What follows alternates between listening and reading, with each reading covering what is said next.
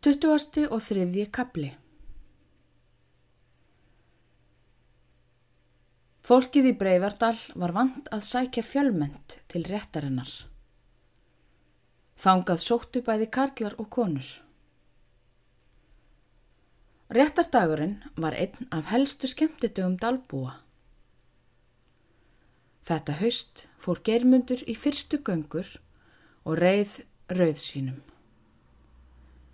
Leitarmaður Jóns í svartolti og hann höfðu í samlögum hest til að flytja á nesti og annan farangur sem gangnamönnum er nöðsynlegur. Var venja að vera fjóra daga úr byggð í fyrstu göngum. Og þótti unglingum og æskumönnum físilegt að fara fram um fjallaauðnir í leitirnar og reyna fráleik sinn og áræði við svo karlmannlega för. Það fekk margur sér í staupinu, réttardaginn og réttardagskvöldið. Bindindið var orðið þunnskipað. Nálega engir sóttu fundin um vorið. Sveimbjörn áleitt bindindið liðundi lok og alla lausa þeirra mála og líka skoðun hafðu flestir hinna félagana. Geirmundur sagði að úr því engir hefðu sagt sig úr bindindi á aðalfundi eins og lögin mæltu fyrir. Þá væru allir enn skildugir að veri bindindi þetta árið. Hann smakkaði ekki vín þennan dag. En sá að Sveimbjörn og margir aðrir neittu þess og vissi að bindindið var dauða dæmt og fallið í dá um lengri eða skemmri tíma. En hann vildi ekki drekka og var óanæður yfir hyrðuleysi og dofinskap félaga sinna. Þótti Sveimbjörn helst til laus á velli og lítill áhuga maður í þessu máli. Hefði gjarnan kosið að hann veri staðbetri og fylgnari maður en líkurnar bentu á.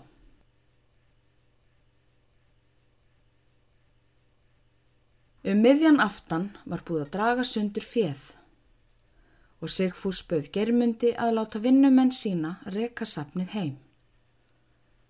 En þeir skildu bregða sér á bæina og hitta kunningja sína. Germundur þáði bóðið. Og þeir fóru að ná hestum sínum og söðla þá. Á meðan þeir voru að því, reið hópur karla og kvenna norður frá réttinni. Þar voru þau sískin frá grund, brandur á fossi og margir aðrir norðan úr dalnum og var gleði bragur yfir því liði. Nokkru síðar riðu þeir Sigfús og Germundur burtu og þegar þeir höfðu farið spölkorn náði Bjarni í felli og ásmundur í bröttullið þeim. Þeir komu framann frá urðum sem er næsti bær sunna við réttina og eigi langt á milli. Báðir voru dáltið alfaðir og höfðu riðið hart. Bjarni reið gráum hesti sem hann hafði keift um vorið. Það var stór hestur, grannvaksinn og hlaupalegur, sjö vetra gamall, bráðfjörugur, vakur, en gangtregur nokkuð. Liðlegur og fríður sínum. Þann hest hafði Bjarni kift til þess að vera þó engu miður ríðandi en germundur. Við hann vildi Bjarni keppa í flestu. Til hans var honum þungt í skapi. Það voru bylturnar þrjár fregnin um góðan þokka millir þýriðar og germundar, sem vöktu þá óvild. Það var hart og óþólandi að sonur einars gamla á neðrafossi drægi úr höndum honum, heldi sér til jafns við hann og reyndi að bæja honum á nokkun hátt.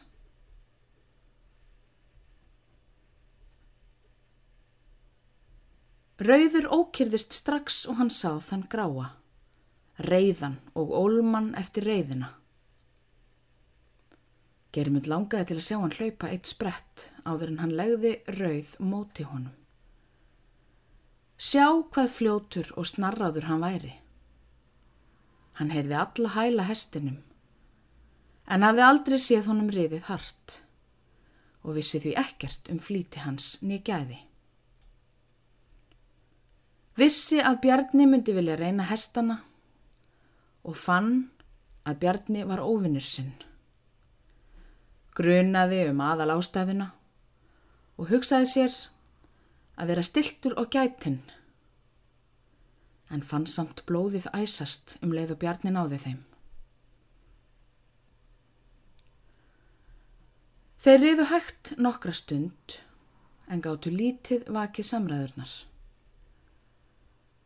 Þessari dieskotans kerlingareið uni ég ekki til lengdar, sagði Sigfús og hlifti á sprett og ásmundur á eftir. Þeir höfðu enga gæðinga. Eigum við ekki að hleypa líka, sagði Bjarni. Hann reið samhliða germundi. Það er ekki svo heppilegt fyrir mig. Ég reið undan þeim rauða í gær og hann er vísa að brjóta hófin upp í kviku hérna á eirónum. Ekki spyr ég að. Svanur rauka sprettin um leið og Bjarni talaði. Rauður tók líka viðbrað á eftir náði svani strax og svo heldu þeir samhliða út eirina. En þegar smámórin tók við, utan og ofan við, var rauður snarráðari, harðsterkari og betur beitt. Þar sleitt hann svan af sér og tók götuna. Sunnan við heiði er grund, slett og hörð. Geysilangur skeiðsprettur en uppi á hæð nokkuri stendur bærin og hallar túninu jamt niður að grundinni. Fólkstyrpingin stóð á hlaðinu og varpanum. Hestarnir gengu söðlaður um túnið og kroppuðu þána í ákafa. Það var kyrt og bjart veður. Fann kvítar fjárbreyðurnar runnu sunnan eirarnar með litlu millibili.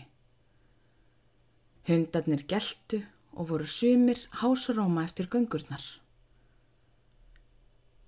Reykurinn úr eldhúströmpnum á heiði breytti sig út upp í loftinu. Grendist sundur, snérist í halfringum og örlittlum bólstrum, blánaði og rann saman við loftið. Því hleypa þeir ekki, saði Jón í svartvaldi. Þeim eru mó, saði Sveinbjörn. Marja og Þurriður stóðu frammi á varpanum og Guðrún frá felli hjá þeim. Helvítis hlaupagikkur má hann vera sá grái ef hann tekur af þeim rauða, saði Brandur. Hann var rétt komin út úr stofinni frá Sigurði og flöskunni. Hestarnir þutu samhliða af stað. Svanur tapaði viðbræðinu. Bjarni var laus í söðli og riðamikill. En germundur satt eins og væri hann samgróin hestinum. Ekkert mistak nýst langur. Stefnan og stökkið þráð beint. Germundur hallaði sér meir fram á hestinum þegar upp í túnið kom og lenaði ekki á sprettinum. Hann vildi að engin tvímæli lékja á kapprið þessari. Ekki akka á höllum fæti fyrir bjarna. Sveigði rauð neðan við fólkstyrpinguna, greip fast í hægri taumin og um leið greip klárin vekurð og þrumaði norðvestur fyrir bæjarhornið. Svanur var svo sem svarar þremur hestlengdum aftar og stemdi lítið eitt sunnar stökk beint í hlaðið. Fólkið rökk frá og Bjarni stilti við þilin. Hesturinn var stífur og ákaflega reyður. En Bjarni, þótt handsterkur væri, korki taumst lingur nýja reyðkjætt. Sigfús og ásmundur komu á eftir. Germundur stóð dreirrauður og hjælti rauð sem njeri höfðinu við hann og ataði fötinn út í gul kvítri fróðu. Þurriður hafði hort náföl á sprettin. En um leið og germundur teimdi hestin ofan fyrir varpan og spretti af, mættust augu þeirra. Marja sá tillitið og Bjarni sá það líka og andlitið var dimmraut. Fallega gerði rauður það ennþá, saði Sigurður látt við bróður sinn heldur vasklega. Svan vantar þrekið en hann er skapaður ágætis hestur. Hvað sem úr honum verður. Getur það annars ekki gefið mér mjölkursopa handa klárnum? Það held ég. Ærnar mjölka drjúkt í haust og hann á það sannarlega skilið að fá hressingu. Ásmundur og Bjarni gengu að húsbakki. Það hlungaði í flöskunni og svo saði Bjarni. Það skal verða betur reynd setna og þá skal ég passa að verða eins fljótur til og hann. Ásmundur samsyndi með löngu jái. Hann hafði séð mæta vel setnisbrettin en vildi samt vera vini sínum flösku eigandanum samdóma. Það var orðið holdimt þegar menn fóru frá heiði og karlmennir flestir nokkuð ölvaðir. Bjarni fylgdi svo vel hesti þurriðar sem svanur lefði. Germundur spurði Sveinbjörn eftir bindindinu og bað hann gæta sín vel. Að minnst að kosti til vorsins. Sveinbjörn saðist álita bindindinu lokið Það væri ekki hægt að halda því lengur levandi.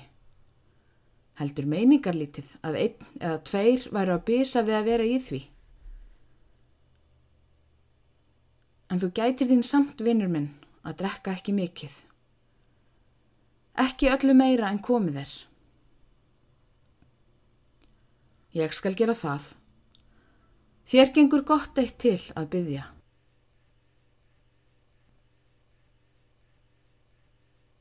Bjarni hafði drukkið til þess að hafa fullt þór að berjast gegn germundi og tólka ennmál sitt við þurriði. En vínið reyndist honum helst til áfengt eins og því er gerðnast til. Það var ekki sjá sem germundur gæfi því neitt gaum þótt Bjarni rætti við þurriði. En svör hennar voru stutt og köld. Svo skap Bjarnar varð ægramara og æstara eftir því sem lengra varð talið.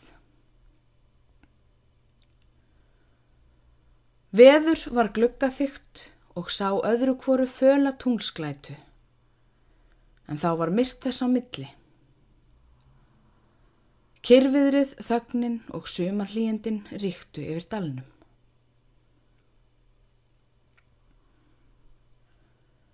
Brandur skildi við samferðamenn sína við vegamótin. Steini kisti germund innilegum kossi og þakkaði fyrir það sem hann hafi fengið að ríða rauð um tíma. Hann var auðveldur. Mætti hann vera fremstur og reyðin hafði verið hæg alla leið sunnan frá heiði. Þú hefur átt að fylgja þeim feðgum heim upp á gamlan kunningskap. Það eru vísast einhverjir á ferli þar heima sem hefðu viljað gefa þér kaffi, saði Bjarni og snýri sér að germundi. Skíslaðuna gritti frá hálfmánanum og germundur svaraði stillilega. Þess þarf ég ekki. Þeim er alveg óhætt hérna heim. Brandur var fullur auga fullir. Þau áttu það skilið þau hjón að þú gerði þeim svo litin greiða. Á ég að fara með þér? Það hefur enga þýðingu. Hér eru líka til menn sem eru ekki minna druknir en brandur. Hverjir svo sem? Þú mannst líklega frá fyrri tíð hvað brandur er glöggur og gætinn. Þér hendar að minnst að kosti ekki vel að vera fyldarmadur brands í kvöld. Vertu nú ekki með þannan helvitis hróka. Þú veist líklega hvernig þú hefur notað þér glöggþekni brands og hvernig þú launaður honum að þyrra ykkur frá hrefnum. Ég vil ekki eiga neitt við þig, fullan af víni og ósangirni. Germutur snýri hestinum áleiðis. Svo ég mana þig þá Svo ég mana þig þá að reyna. Hver betur dýr flagarinn þinn? Þú hérna dalbrósi. Germundur snaraðist af baki og að bjarna. Þar sem hann stóð upp við svan. Vissi ekkert af því að hvenn hönd var lögð, mjúkt og þjætt á handleikans. Þeir tóku fastatökum og Bjarni rauk öfugur niður í leirgötuna. Um leið og hann reys á fætur, sló hann germund rokna kinnhest. Aftur lá Bjarni endilangur. Vínið gerði honum þungt höfuðið. Sigfús og Sveinbjörn hlupi á millið þeirra. Guðrún greip utanum Bjarni og þau leittu hann til hestsins sem hafði hlaupið þvers frá götunni. Germundur gekk burt með Jóni í svartholti og grundarsistrum. Hjálpaði þeim á bak og var skjálfrata, það lítið hann talaði. Lagði taumin upp á makkan og stökk svo á bak. Án þess að taka ístaðið og reið á hlið við þurriði sem var fremst í hópnum. Svona er það. Fár bregður hinnu betra ef hann veitið verra. Óþurriður, ég veit hvað þú hefur tekið út af þessu rifrildi.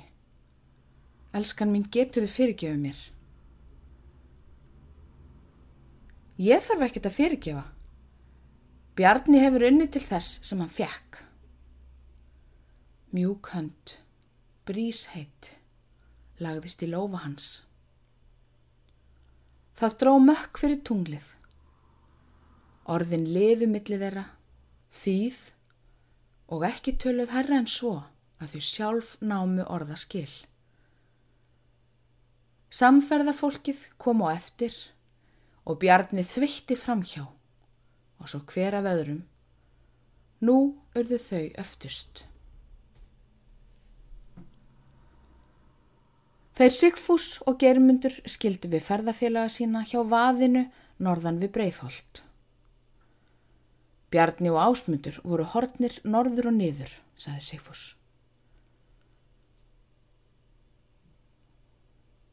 Fólkið kvattist vingjartlega með þakklættis orðum fyrir góða samfyllt.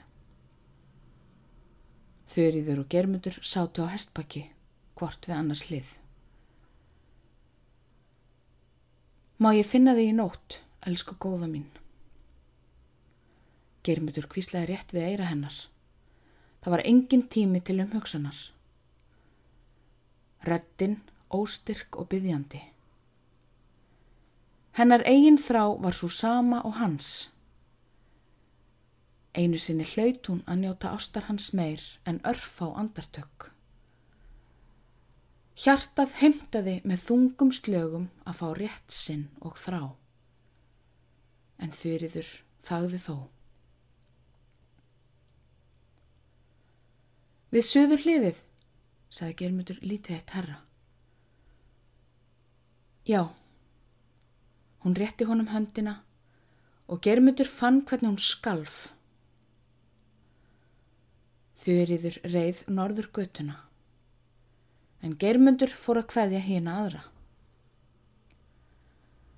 Guðrún á felli tók innilega í hönd hans að skilnaði með þykku mjúku hendinni sinni.